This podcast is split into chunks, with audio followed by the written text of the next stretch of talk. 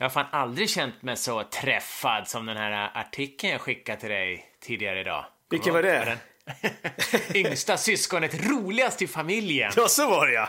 Nej, jag har faktiskt aldrig heller känt mig så träffad. Och eh, det här visar på kanske på hur mycket vi skickar till varandra på en dag. Vi hade inte den blekaste. Nej, exakt. Och det är två timmar sedan. Men visst är det så? Både du och jag är yngst i syskonskaran och visst fan är vi roligast? Ja, utan tvekan. Ja, och tillsammans blir det en sån synergieffekt som vi aldrig sällan har skådat. Nej, en succé. Jajamän. Ja, härligt. Ja, och den här succén handlar ju till mestadels om baseball eller hur? Ja, jag tror att de flesta har förstått det vid det här laget. Ja, vi får hoppas det. Jag var ju faktiskt och såg SM-finalen i helgen. Ja, det är hatten av, eller kepsen av ja. på den faktiskt. Mm, kepan av. Mm. Eh, nere i Sölvesborg, tredje matchen. Jag hade ju hoppats på kanske även få se en fjärde och femte match, men det blev en match där nere i Sölvesborg. Mm. För, eh, ja, även om Rättvik faktiskt tog ledningen i, jag har för mig att det var toppen tre som, ja, det var några walks och några errors som gjorde att eh, baserna blev laddade och eh, så slog Evan Opperman i Rättvik en Grand Slam. Oj då, en salami. Ja, Rättvik tog en stor 4-0 ledning där och då trodde man ju verkligen på Eh, ett, en fjärde match i alla fall, så då fick man hushålla lite med det man hade i kylväskan. Jajamän. Men tyvärr blev det ändring på det, för mm. ja, redan i botten på tredje inningen så började Sölvesborg knappa in och det kändes som att ja, Sölvesborg är nog det bättre laget och kommer nog fixa det här. Mm. Um, det var i och för sig eh, poänglöst fram till botten av sjunde inningen när det sket sig för Rättvik ordentligt. Mm eh, deras starting pitcher Elvis Hammarstedt, han byttes ut och in kom, eh, jag tror han heter Viktor Granström och även Jakob Syrén som vi har snackat lite om mm. eh, tidigare. Men det hjälpte inte, de fick inte riktigt stopp på blödningen i tid och eh, Ja, efter den här sjunde inningen så stod det 8-4. De släppte alltså sex runs där i botten sju. Oj då, den var tuff. Och, ja, och då kändes det faktiskt som att matchen och hela finalserien och säsongen då var, var över. Ja. Eh, Rättvik kunde inte replikera på det här så att det blev klang och jubelföreställning där nere på Deer Creek Park i Sölvesborg. Mäktigt, tre raka ja. då blev det. Mm. MVP var Jake Watts, eh, pitchen då, ett complete game kastade han och mm. eh, ja, det var ju så nära han gjorde det också i Game 1 har jag för mig så att jag tror han hade en era på 1.58 i de här två finalmatcherna som han pitchade och Oj. Lämpligt nog så hade han ju slutspelets högsta gamescore i sista matchen. Mm. Och det är coolt. Ja, mäktigt. Vad blev den? Var det eh, Ja, den var närmare 80 tror jag. Oj då. Ja. Mäktigt. Men om man tittar på listan över hela säsongen så innehar han faktiskt sex matcher av de 11 översta när det kommer till gamescore. Så att han är väl årets pitcher såklart, James Watts. Ja, det är väl, Från... råder väl inget tvivel om den saken. Nej, från eh, North Carolina. Mäktigt. Jag såg att eh, mm. eh, våran kompis eh, Martin hade tagit några sköna bilder också. Var det så? Mm. Jaha, okej. Okay. Eh, ja, men det har jag också sett. Mm. Ja, eh, så att eh, där har han fått en hel del likes, både från spelare och från förbundet tror jag. Så ja. han sprang runt där och knäppte en hel del bilder. Grymt. Mm. En kommer nog bli faktiskt veckans omslagsbild också tror jag. Ah, härligt. Ja, nej men det var en trevlig dag i Sveriges backyard, ska vi säga det? Ja, det var väl en 200-300 i publiken, så att... Mm. Grymt. Testade du att kasta lite? Nej, det fanns ingen sån, inte vad jag såg. Jag var rätt fokuserad på... Uh, Kylväskan? På matchen. ja, exakt. Jag satt rätt still på läktaren där. Ja, ja, ja. Mm. Så är det. Men jag säger faktiskt igen, som vi har varit inne på, alltså om man vill lära sig spelet lite snabbare, eh, stick och kolla på några matcher live, mm. faktiskt att de kastar i typ 80 miles per hour istället för 100 spelar kanske liksom inte så stor roll om man ska lära sig spelet. Så Nej, det är ändå inte. världens mäktigaste sport trots allt. Precis. Bang on mm. target, Pal. Yes. Ja, men då lägger vi väl Sverige åt sidan och fokuserar på Major League Baseball såklart. Och eh, mm. där börjar det dra ihop sig ju. Ja, det gör det. Och ja. eh, framförallt kan jag på säga, men i American League då och eh, American League East. Eh, mm, vi kan ju kolla här, där är det väl egentligen det enda som lever va? Ja, så är det. New York är ju mm. enda lag i American League, förutom ledarna såklart, då, som inte mm. har ett E i elimination-kolumnen och det betyder att mm. man inte är eliminerad. Men hur räknar man ut det där E-numret? Jag tror Yankees har åtta för tillfället. Mm, Yankees har åtta och uh, ja, en enkel liten formel det är att man kan ta 163 minus uh, det ledande lagets, alltså Boston i det här fallet, deras vinster som är 88 ju. Ja. Och så uh, ja, plussar man till då det trailande laget, eller det laget som ligger efter, i det här fallet New Yorks, det lagets förluster som i det här fallet är 67. Man lägger ihop de två. Ja. Ledarens vinster 88 och eh, det trailande lagets för, förluster 67 i det här fallet. Och det blir det 100, vad blir det 155. Ja. ja. Ja, och om man alltså tar 163 minus 155, då får man fram det här elimination number som då i det här fallet är 8. Ja, och det här innebär ju då eh, för de som fattar väldigt, väldigt snabbt att om Ja, de är ju spellediga mm. ikväll nu då, men att eh, imorgon fredag då, om Boston skulle vinna och eh, Yankees skulle förlora samtidigt, då går ju elimination number två steg neråt från 8 till 6. Ja, exakt. Vinner bägge här... lagen så går det ner ett snäpp. Mm. Summan, om man tittar på åtta här, summan av ledarens vinster och det jagande lagets förluster, summan får ju aldrig bli åtta då i det här fallet. Nej, exakt. I de resterande matcherna, då är det kört. Precis. Så att då gäller det ju framförallt att vinna sina matcher som jagande lag såklart. Ja. Men helst inte att ledaren heller vinner. Mm. Och då kommer vi in lite grann på spelschemat. Vi kan ju diskutera huruvida Yankees har en, en, eh, en rimlig chans har de definitivt. Men om den är, hur stor den är eh, beror lite grann mm. på vilket spelschema som, som lagen har kvar. Om man tittar på Boston då så har ju de en, en på pappret enkel matchserie då. I och för sig borta då mot Cincinnati tre matcher. Sen så har de eh, tre matcher hemma mot Toronto som är avsågade för länge sedan. Och sen så eh, fyra matcher mot Houston då som i och för sig slåss om best record i American League. Så den kan bli lite tuff. Ja, det gör de eh. nu. Frågan är om de gör det om en vecka. Mm, det vet vi inte. Mm. Eh, hur ser Nej. det ut för Yankees då? Ja, Yankees åker ju nu då till Toronto för tre mm. matcher. Det är väl inte heller världens lättaste. Jag tror att de har väl de ligger faktiskt minusstatistik där i år. Jag tror att de har vunnit sex och förlorat sju mot mm. Blue Jays. Så att, eh, mm, Tuff. kanske tufft, men de bör väl förhoppningsvis då för deras egen del och för racet här vinna två av de matcherna. Men, ja. mm. Sen avslutar de faktiskt resterande matcher hemma. Först en hängande match mot Kansas City. Just det. Eh, och sen är det tre matcher mot Tampa Bay som lär vara avsågade då och sen avslutar de med tre matcher mot Toronto Blue Jays. Eh, mm. Mm. Så det det känns ju ganska lätt, eller hur? Ja, men det gör det ändå. Nu är alltså, mm. Vi får ju se, för Tampa har väl fått lite vittring i wildcard-racet. Är fyra matcher bakom nu efter några, någon bra vecka. Men jag tror inte att de ska kunna hänga med så mycket länge till. Eller hur? Nej, det lär de väl inte göra. Jag tror faktiskt inte det, även om de väl nu vann senast mot Chicago Cubs, tror jag. Ja, men eh, mm. om, vad tror vi? Om, om Boston tar två matcher mot Houston hemma så är de klara, va? Om de inte klarar redan innan. Men om ja, de skulle stå exakt. sig inför den så... Mm.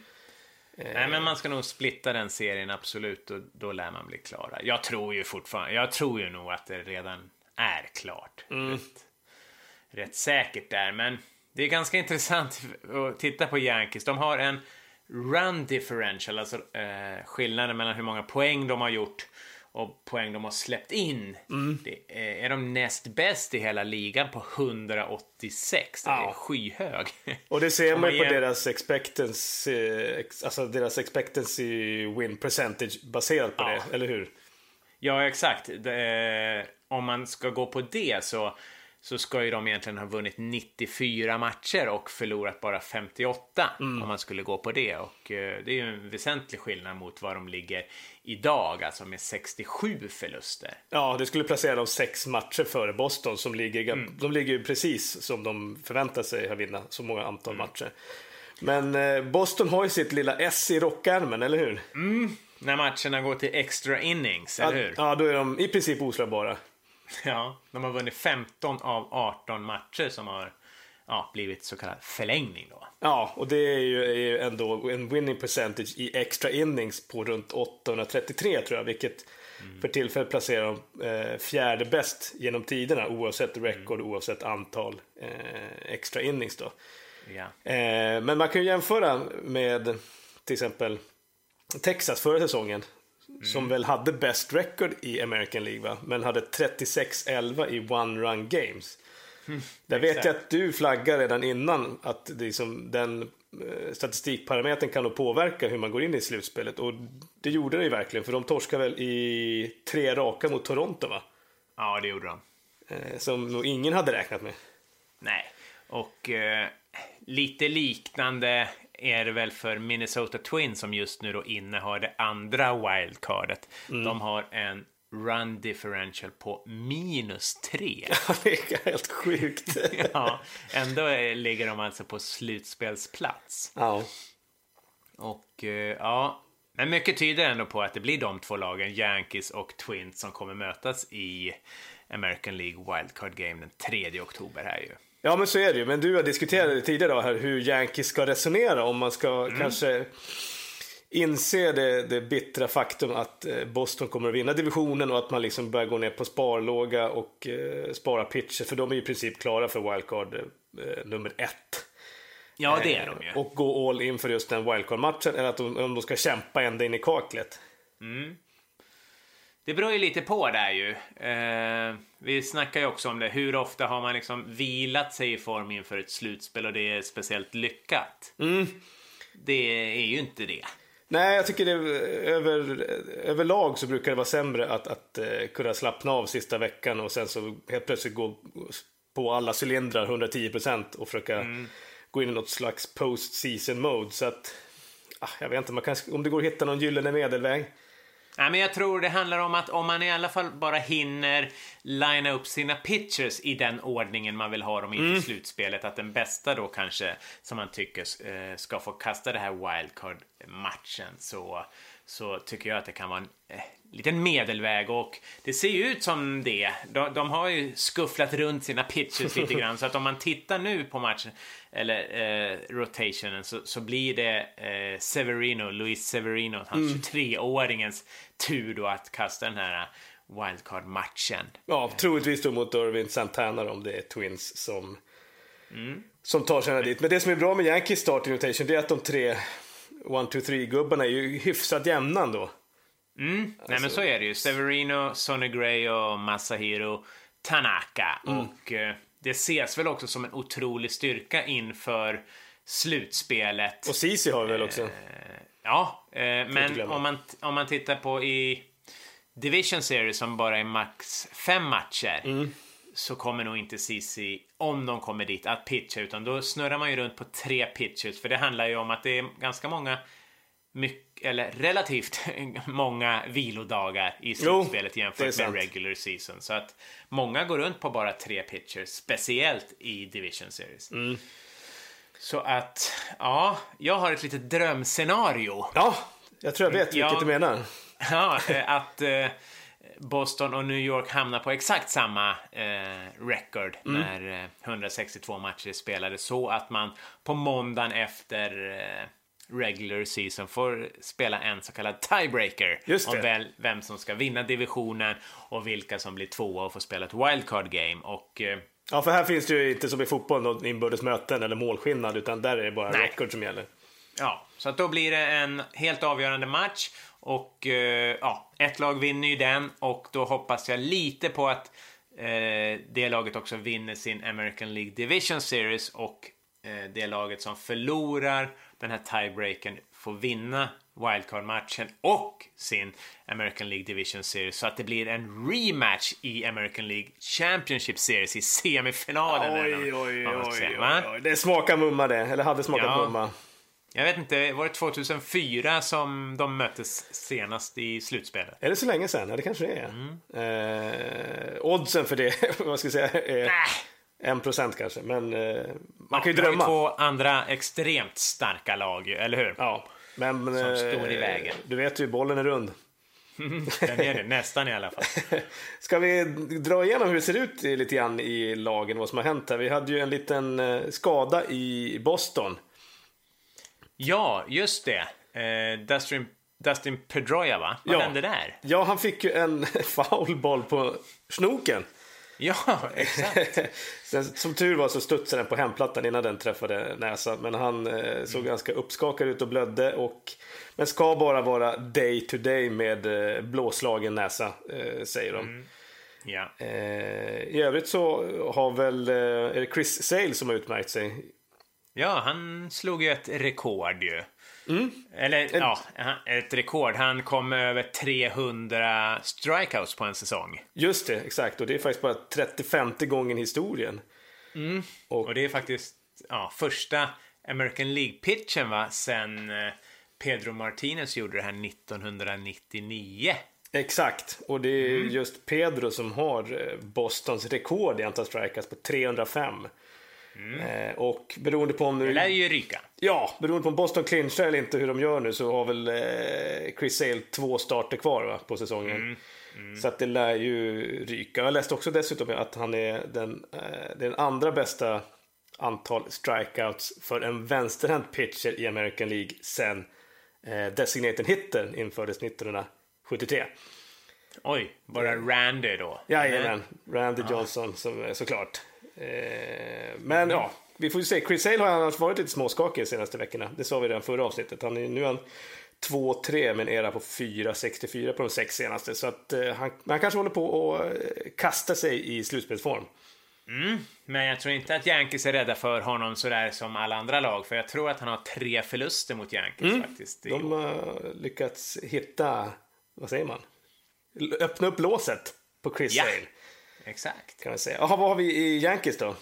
Mm, eh, inte så mycket skador va? Ja, en olyckshändelse hände ju här i matchen i onsdags som jag satt och kollade på när Todd Fraser råkade slå en foulboll upp på läktaren i en otroligt hög hastighet som tyvärr mm. träffade extremt illa på en liten tjej som var på match med sin pappa. Ja, så var det ju. Och eh, du och jag brukar ju skämta om att det är ju typ sådana incidenter eller när de, när de slåss eller snubblar på ett slagträd. Det är då som baseball får utrymme i svensk media. Och mycket riktigt mm.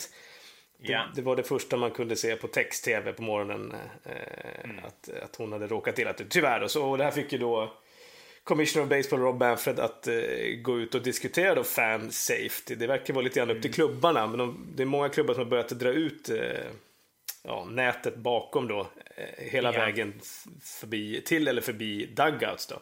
Mm. Eh, och eh, ja, ja, det skulle ha hjälpt i det här fallet absolut. Och eh, de slår ju mycket hårdare nu, alltså. Det här med ökad exit velocity är väl jäkligt roligt att se på mm. eh, fram tills att bollen kommer rätt mot dig. Ja, exakt. Mm.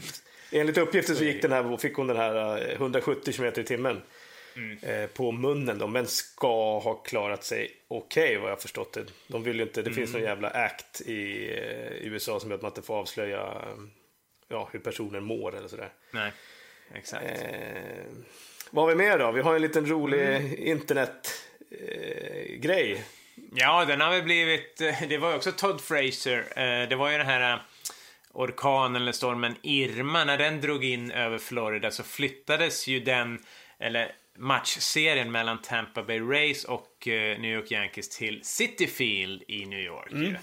Och eh, när Todd Frazier slog en eh, three run homerun där så var det en snubbe som ställde sig upp och uh, utan att visa en enda min så visade han så här en nertumme, thumbs down bara. Det är helt underbart. Heter han Gary ja. Dunayer? Denier? Ja, någonting sånt. Han är ju ett Mets-fan då med årskort. Ja, jag såg och, det. Det här skulle ju då ja, han skulle ju förnedra Yankees då på det här sättet. Men de har väl vänt det till något positivt. Ja, de har ju börjat eh, anamma det. Så att nu när de gör mm. någonting bra eller slår en homerun eh, så, eh, så visar de tummen ner. Ja, en ironisk typ rallytumme eller vad det har blivit. Ja, de har ju tryckt upp t-shirts och allting med det där. Så att vi får se om det liksom blir en lyckotumme, den där nertummen. Ja, det är för skön han Gary. Sitter så. Ja. Han har ju eh, brallor som ett jävla militärtält vet du. Och så hängslen. Arne Weise briller och Christer Glenning-skägg. Och så, så här, rör inte en min och tummen ner. Men Nej, ja, det är skönt. Håller man på mm. sitt lag så håller man. Ja, absolut. Och eh, jag läste också, han brukar ju inte sitta där, eh, på sådär jättebra platser. Han har ju årskort liksom längst upp, längst bort någonstans. Mm. Men de dumpar ju priserna här nu när Tampa Bay Race var hemmalag på Cityfield. Så att då tog han tillfället i akt och satte sig strax bakom dugouten. Och eh, ja, vilket intryck han gjorde. Ja, vilken kung. Gary ja. Denier eller vad han heter. Denier. Denier. Ja, cooling. Mm. Ja, nej, nog om detta i American League East. Eh, men om vi ska liksom försöka stänga American League. Ja, så är det inte så mycket mer. Vi har varit inne och nosat på utan det är ju det som är kvar förutom eh, American League East-racet är ju Best Record-racet mellan Houston och Cleveland. Där Houston har kommit tillbaka i lite slutspelsform. Mm, de är tillbaka. Sen förra veckan så har ju både Houston och Cleveland clinchat sina divisioner. Ja. Mm. Och eh, Houston gjorde det i eh, Justin Verlanders hemmadebut faktiskt. Just det. Och det här var deras, jag tror det var sjunde division title, men faktiskt första i American League West. Mm. För de flyttade, de spelade ju tidigare i National League Central. Stämmer.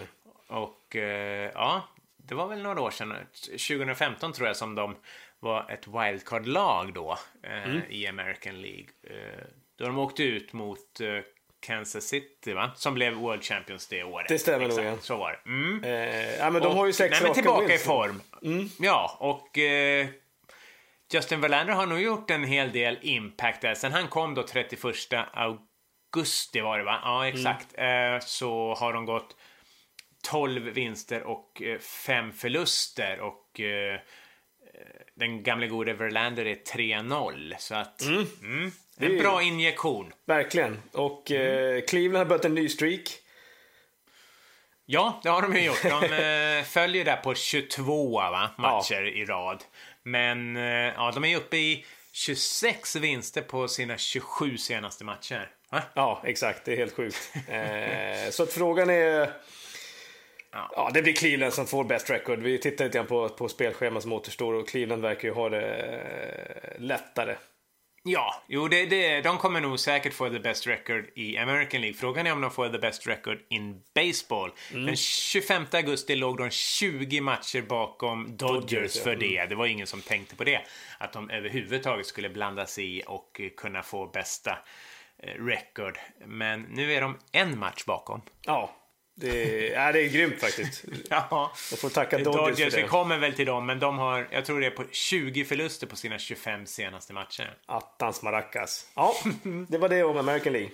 Det var det. Mm. Så att, eh, har det blivit dags för mig att säga någonting nu kanske? Ja, hallå där Killevippen, var det det jag skulle säga? Batter up! Just det, tjena Arena! Jajamän!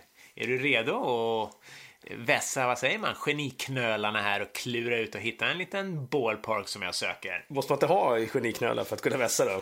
ja, möjligtvis. Va, det skulle väl vara du som kan vässa dem utan att ha dem.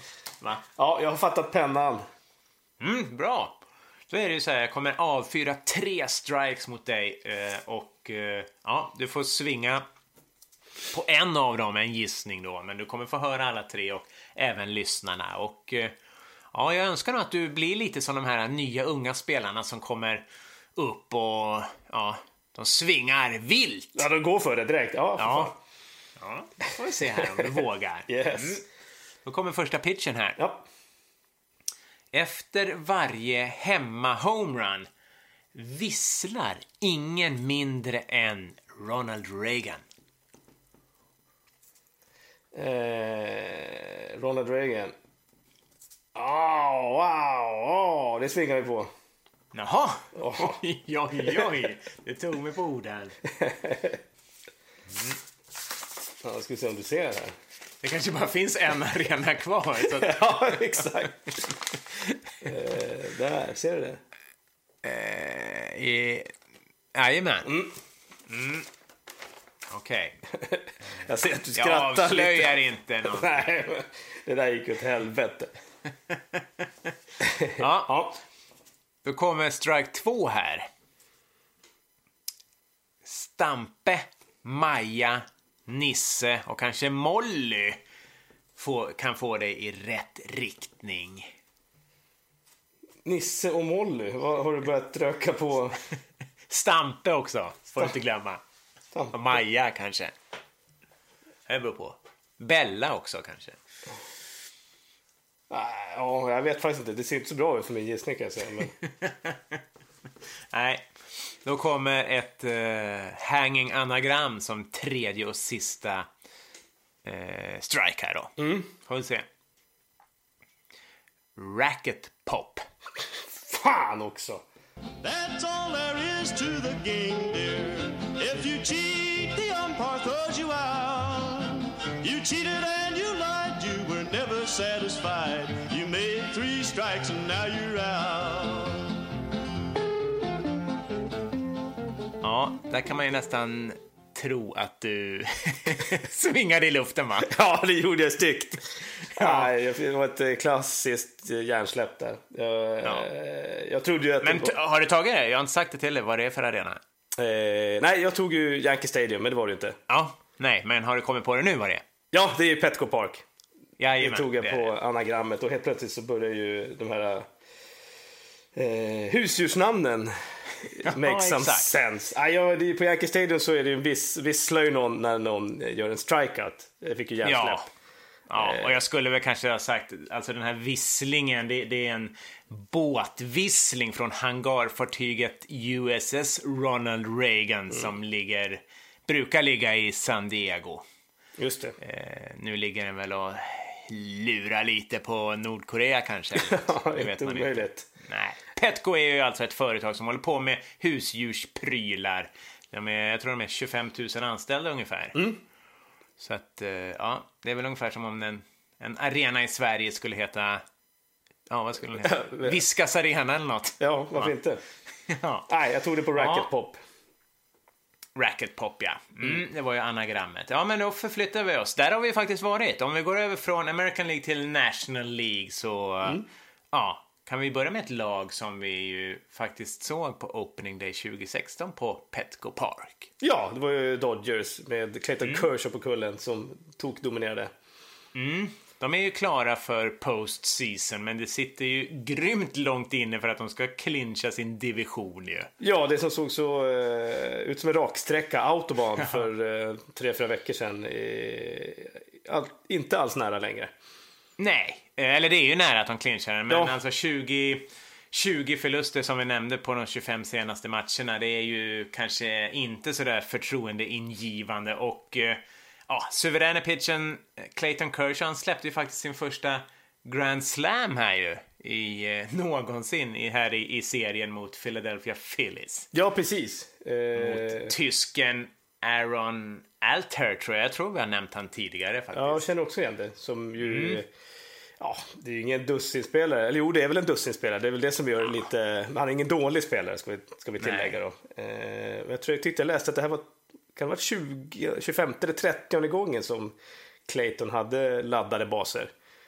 Ja, jag tror att det är flera, men ja, han har alltid lyckats ta sig ur den knipan. Eh, intressant är att eh, han faktiskt har karriärens högsta eh, homeruns allowed. Alltså han har aldrig släppt fler homeruns under en säsong, 21 stycken. Nej. Och då måste vi ändå säga att han har varit skadad i fem veckor. Så att, mm, lite Orostecken. illavarslande. Ja. hastigheten har faktiskt gått ner lite grann i år. Eh, mm. Eh, Har vi någon, nog- har vi någon eh, positiv eh, punkt att lyfta fram vad gäller Dodgers? Det har bara varit ner för hela tiden. Jag läste att Corey Ja. Seager var lite småskadad, Justin Turner också lite småskadad. Justin Turner nu, vi spelar in det här på torsdagskvällen. Han blev faktiskt hit by pitch här eh, tidigare i den här Mm. matchen och tror, jag tror han fick utgå faktiskt med, ja, med, med problem med tummen där. Så att vi får hoppas att det inte är något brutet där. Nej. Nej. Så att, nej, de ser ju inte sådär våldsamt skräckinjagande ut som de gjorde i, i somras. Är det ett eh, rent mentalt problem eller är det... Ja, det måste det väl vara, för de blir ju inte, säm de blir, de blir ju inte sämre, de här spelarna. Nej, Eller, man tycker alltså, det. sådär, Utan det måste ha inställningsfråga eh, slash eh, mentalt problem. Jag vet inte. Mm, Man tycker att de borde vakna till liv i det här laget. Men de kanske fortfarande är så säkra på att cruisa hem divisionstiteln så att... Eh, Jo, det är de ju. De behöver väl bara eh, en vinst och en förlust, Förlust till, för ja. Arizona. Så, så är det ju klart. Och det är klart att det, det kommer ju fixa sig. Mm. Men eh, hur kommer de in i slutspelet och få möta då Arizona kommer det ju bli. Ja. Eh, i, eller Arizona eller Colorado får vi väl säga. Mm. Eller Milwaukee. Men ett wildcard-lag då i sin Division Series. Eh, inte så skräckinjagande som tidigare, men ja, vi får väl se. Ja. Det finns inte så jättemycket att prata om Dodgers just nu, eh, mer än att de är ganska dåliga. som vi har gjort i Eh, några avsnitt nu. ja, exakt. Sen har vi ju Washington Nationals som är ju är det andra laget som är klara. Eh, och det har vi också nämnt att den stora frågan där är ju eh, hur det står till med Bryce Harper och alla nyheter som, som kommer från Nationals Park, det handlar ju om Bryce Harper. I måndags var det att han hade tagit batting practice innan matchen. I tisdags var det att han körde någon sån här simulated game där han även liksom sprang runt baserna. Jag tror att han sprang från 1 till 3 i typ 70-80 procent ja, kraft eller fart. Så att eh, mm, det är mycket det det handlar om i, i Nationals nu för tiden. Och hinner han bli frisk? Det är liksom den stora frågan. Och eh, ja, kanske det som skiljer framgång mot att de, det brukar sluta som, som vanligt för dem. Ja, nej, men det är väl det enda problemet de har för tillfället. Det är ju Bryce Harpers vara eller icke vara. Mm. Och alltså, om man har tagit batting practice nu så känns det ändå som att han, han kommer vara redo tills slutspelet börjar. Men det stora frågetecknet blir ju liksom hur det är med hans timing. Ja, exakt. Eh, det kanske tar några matcher och då kanske det är för sent. Mm. Ja, Det är bara bästa Det fem. snackas ju om att han ska skickas ner till ja, någon sån här instructional League Mm. i Florida eller Arizona eller vart de håller till eh, för att få lite matchning. För minor leagues är ju slutspelat nu. Just det, det är det. Eh, nej, för han behöver lite riktigt eh, alltså, skarpa at-bats. Mm. Ett gäng också. För han var ju borta nu i, det blir nästan två månader, 12 augusti va, var det han Ja, eh. Mm. tände ut knät. Eh, Så då tappar man ju väldigt mycket eh, spelkänsla. yes, Det här är alltså killar som spelar 28 matcher i månaden ungefär. Och exakt. så går de och vilar i två månader. Ja, nej, så det, det är Mm. det som gör, kanske skiljer eh, Washingtons fiasko eller succé.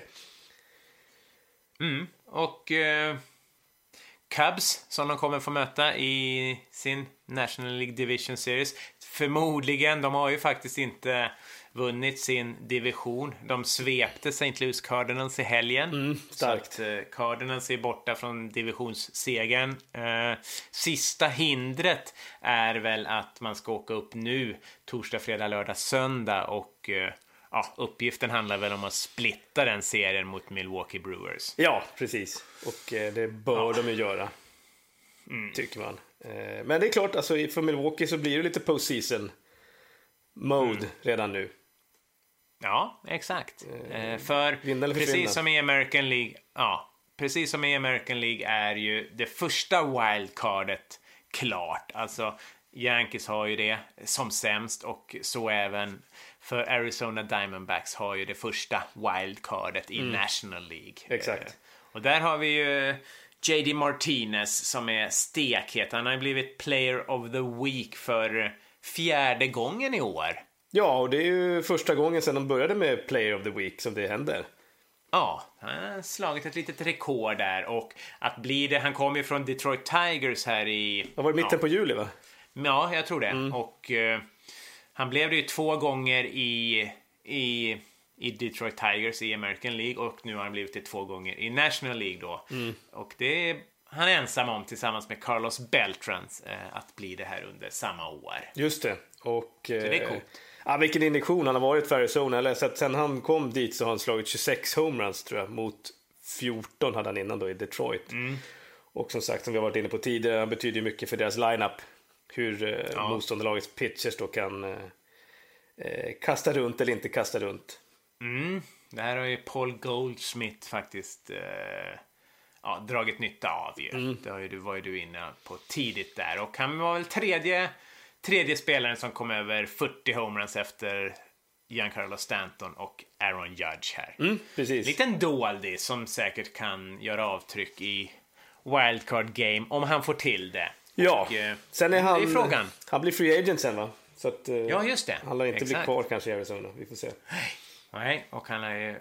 Mm, han tjänar ju pengar för varenda homerun han slår här. Ja, just det. Han skrattar hela vägen till banken. Yes. Så den stora frågan i, i National League är ju vilka som kommer knipa det andra wildcardet. Och eh, där kan man nästan tänka, alltså är det någon som vill ha det? Jag tycker Colorado och Milwaukee, de liksom spelar ju inte sin bästa baseball nu. Nej, de måste ha eh, fått någon eh, pre-post season eh, jitter, alltså lite nervösa Ja. känns det som.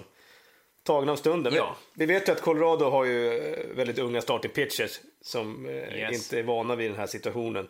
Nej. Det kanske spelar stor roll. Eh, Milwaukee, de har- var ju något slags, eller innan säsongen så var de i något slags här mellanting mellan rebuilding mode och liksom hade börjat plocka upp eh, prospects och fick göra någon mellanvariant. Eh, alltså de, de gick väl inte all in under trading deadline utan plockade upp prospects och liksom försökte få, få igång dem. Eh, så att det kanske inte är så konstigt att de här lagen har svårt att clincha eller svårt att knyta ihop säcken.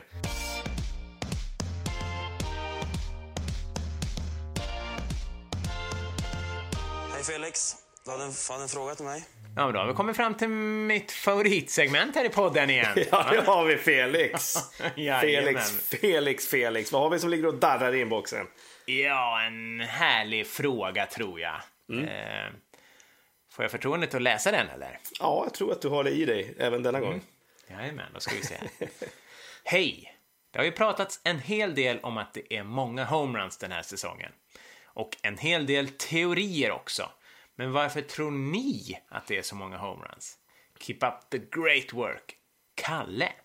Ja, mäktigt, Kalle. Det tackar vi för. Mm. Ska försöka bena ut det här. Ja, vi har varit inne på det ganska många gånger här under säsongen att det har slagits homeruns på homeruns på homeruns. Och det är, till och med innan regular season är slut så har ju rekordet för antal homeruns per match slagits. Eh, och eh, som sagt en hel del teorier som Kalle är inne på. Vi kanske ska gå igenom några stycken som, har, som cirkulerar. Ja, men det kan vi väl göra. Det kan vara intressant. För det finns ju liksom ingen... eh, Som han är inne på, alltså det finns ju inget helt korrekt svar kanske. Nej, precis. Nej. Det finns en, kanske en kombination av flera av de här teorierna. Eh, Yes. Om vi börjar med första teorin då, att eh, spelarna är dopade. Eh, Så kan vi väl säga så här att visst förekommer det dopning, men inte alls i lika stor utsträckning som eh, under steroideran då när Maguire, Sosa och Bonds eh, sluggade Nej. runt. Utan nu sker det ju mer systematisk kontro- kontroll av spelarna. Yes. Så att eh, det är inte därför, tror Nej. vi. Eh, sen så den andra teorin är lite mer av en sån här konspirationsfoliehattsteori. Det är ju att, att MLB eh, har ändrat karaktären på bollen för att det skulle bli fler homeruns. Eh, Ja. Den kan vi också avfärda, för där har ju Fangraph låtit någon doktor testa bollen och den ska Aha, vara okej. likadan som under tidigare säsonger. Okej. Eh, sen har vi den tredje teorin då att, att eh, nu för tiden så bryr sig inte spelare om om det blir strikeout lika mycket som förut. För nu så är inte batting average eh, lika eh, betydande utan nu är det viktigare med on base percentage. Och då spelar det ingen roll om du gör en strikeout. Eh, och den tror vi väl lite grann på. Ja, det finns en helt annan mentalitet. Det ser man ju när många går upp och slår av de här nya killarna liksom. Eh, att eh, äh, en, en strikeout är väl liksom ingenting. Eller Nej. tre. Det har ju sett det på Aaron Judge bland annat. Ja, han har väl tusen strikeouts den här säsongen. Ja. ja, men de tar ju i för kung och fosterland också. Eh, sen en liten uh, intressant teori som jag läste. Det är alltså att eh, pitcherkvaliteten har sjunkit. Eh, och det ska man motivera då genom att eh, jämför man med för 15-20 år sedan så är det ju betydligt fler skador på pitches. De belastas ju mycket, mycket mer. Ja. Vilket gör att det blir väldigt, väldigt stor omsättning på, på, eh, på spelare, alltså pitchers. Eh, Och att det i så fall skulle leda till lägre kvalitet. Och att liksom de som kommer upp, där kanske man fokuserar bara på att de ska ha en jävligt hård fastball och inte så, så att vara så variationsrika. Och det vet vi ju så länge att, att eh, en hård fastball kan du alltid lära dig att tajma. Ja, exakt. Och eh, det har de blivit. Nej, men de har blivit bättre på det i år också. För i år är den highest rate av, eh, av homeruns på eh, eh, pitchar som är 95 miles per hour och högre. Så Mm. att spelare lär sig att slå på bollar i högre hastighet. Mm, och spelare Så- är ju mer atletiska, om inte kanske som Mark Maguire och Barry Bonds då, som har eh, överarmar som fyra limpor liksom. Men, eh, ja, nej men den eh, tror vi lite grann på. Ja, Och sen då, det är li- lite grann inne på samma, Ja. men att eh, hastigheten på pitching, pitching och hastigheten på slagträet har ökat. Så det i kombination skulle göra att eh, bollen slås iväg med en högre hastighet. ja. Eh, Och det finns de ju har växt ur planerna lite på något sätt, känns det som. Ja, precis. Ja. Eh, och sen så då sista teorin då är att slagmännen har ändrat sin eh, hitting angle så att de, Mm. de strävar efter att slå högre bollar. Eh, att, Mm. Tidigare så var man ute efter line drives över infield. Ja. Men Yes. det är ju lättare att få extra base hits med flyballs så därför går de lite mer, eh, inte så lika brant eh, i Nej. utsvingen om man förstår vad jag menar. Ja, och eh, när man ändrar sin liksom slagvinkel eh, gör man det också för det har blivit väldigt vanligt med eh, vad heter det nu då? Shift play, alltså när man flyttar över Ja. spelare på infield för att täcka upp där man brukar slå sina markbollar. Och Mm. om man inte slår några markbollar då, då, då spelar det ingen roll hur infielders ställer upp. Nej, exakt. Så det är också en, en anledning till att man har ändrat på sin slagvinkel så att säga. Så att vad vi, om vi summerar så tror vi på eh, teori 3, 4, 5 och 6 då i me- mer eller mindre då, respektive teori. Medan ettan och tvåan är, är, är borta. Ja, Varken exakt. players eller balls är used. Nej. Eller used heter det. Mm. Ja. Jag kan väl, det, det är ju en fantastisk säsong om man gillar homeruns. Jag kan ju dra några siffror. Alltså, det har alltså varit 374 multi-homerun games, alltså matcher med fler än en homerun. Och eh, ja, det har ju slagit alla tidigare rekord. Och eh, vad kan man med? Alltså, det som är den största skillnaden är kanske inte att vi har Giancarlo Stanton som är uppe på, vad har han, 56 homeruns eh, i år. Eh, det är mycket givetvis, men det ger ju inte hela den här bilden med att man slår så extremt många homeruns, utan det är ju snarare de här spelarna som slår 10 plus ungefär, alltså 10, 11, 12 homeruns.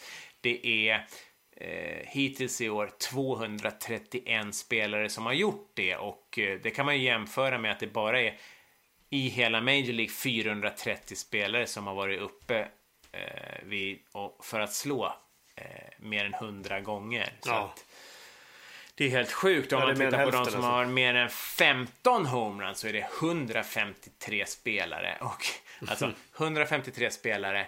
Eh, och då kan man ju jämföra det med att det faktiskt bara är 149 spelare som har alltså plate appearances tillräckligt för att kunna vara med eh, och röstas fram i batting title eller få batting title. Det är helt sjukt faktiskt. Så att alla i princip som räknas slår minst 15 homeruns. Så har det aldrig varit. Och över 42 procent av alla runs som görs eh, görs på homeruns. Mm.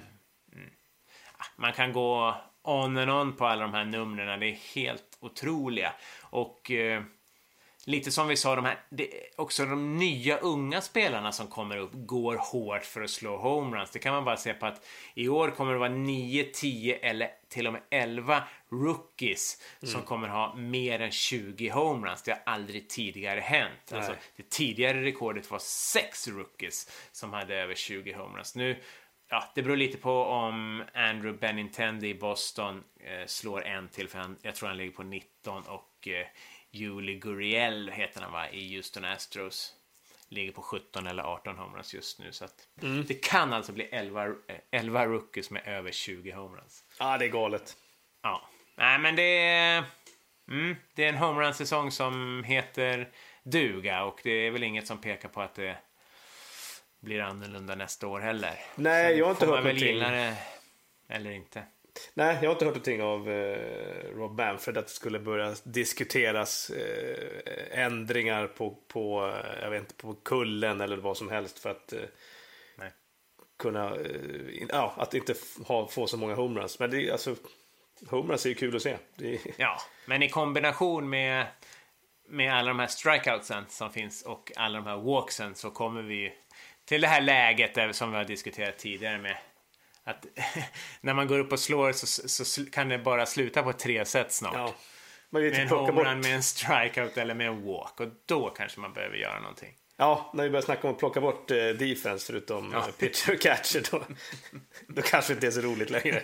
Nej. Ja, mäktigt. Vi får se. En underbar sport är det hur som helst. Men vad Yes. tror du? Tror du Kalle är nöjd med det där svaret eller? Alltså hade jag varit Kalle så hade jag varit supernöjd. Okej. Jag tror aldrig vi har levererat så här bra. Nej, jag tror faktiskt inte heller det. Kan vi säga att det var en homerun? Eller? Vad sa du? Kan vi säga att det var en homerun? Det var faktiskt en riktig homerun faktiskt. Ja, fantastiskt. Grymt. Så att ni ser. Om ni har några frågor kring baseball, mejla oss på Mm. hello at sundayfunday.se så får ni svar Direkt? Inte direkt. Nej. det får man ju inte. Nej. ni kanske får svar. Ja, och har ni även frågor som inte rör baseball får ni såklart mejla in dem också. Ja, Vi har exakt. svar på mycket. Ja, det har vi. Nej, men det är riktigt bra. Kul! Mm. Vad har vi? Vi har väl nästan pratat om alla matcher som är av intresse i helgen, eller har du något att tillägga där? Ah, det är väl kanske inte matchtid. Vi börjar med då att, eh, som vi sa, National League Central ska avgöras när Cubs åker till Milwaukee och då är det 19.05 svensk tid på lördag och 20.10 på söndag då, som gäller. Eh, sen så ska Colorado till San Diego för att eh, försöka avgöra wildcard nummer två i National League. Eh, där är det 22.40 på söndag om man inte Oj, en perfekt! aftuggla. Ja, det gick perfekt. Avrundning av helgen där ju. Ja. Eh, och sen så är det då Minnesota Detroit också för wildcard 2 då. 18-10 söndag. Och eh, American League då. Så andra utmanaren då, Los Angeles Angels åker till Houston. Eh, och Houston slåss ju för best record i American League. Och det är 19.05 lördag då, som är eh, den mest tittvänliga tiden.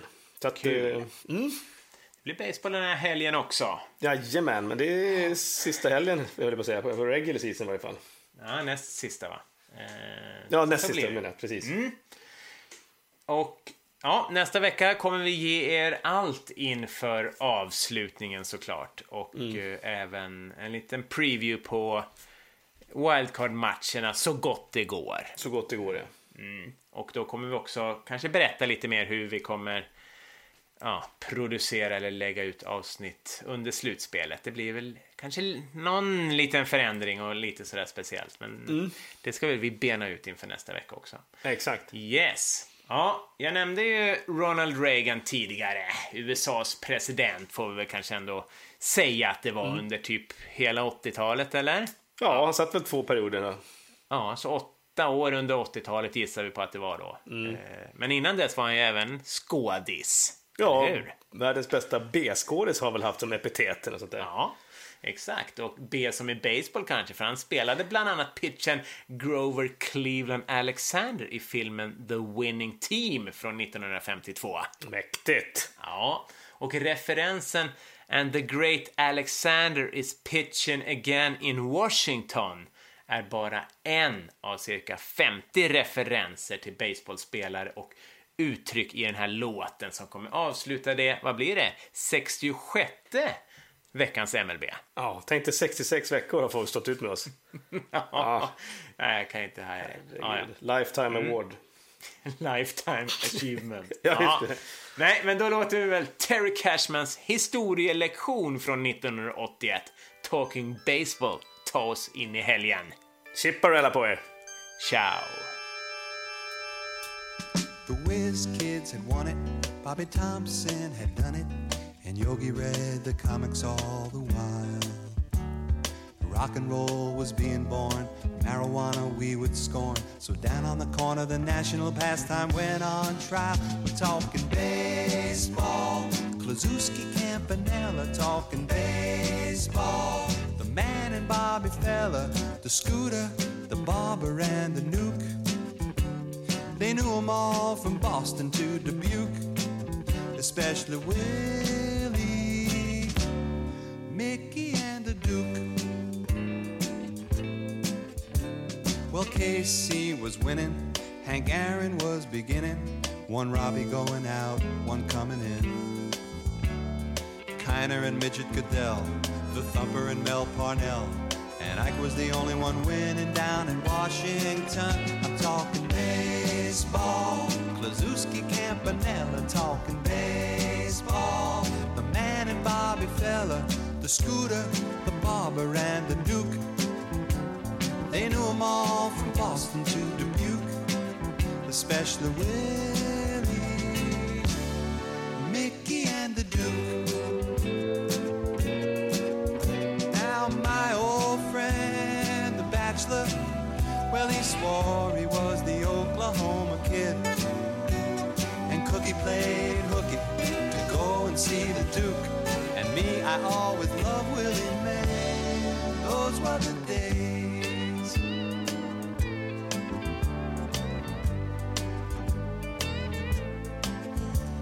Well, now it's the 80s, and Brett is the greatest, and Bobby Bonds can play for everyone. Rose is at the vet, Rusty again is a Met, and the great Alexander is pitching again in Washington. I'm talking baseball, like Reggie Quisenberry talking baseball. Carew and Gaylord Perry, Seaver, Garvey, Schmidt, and Vida Blue. If Cooperstown is calling, it's no fluke. They'll be with Willie,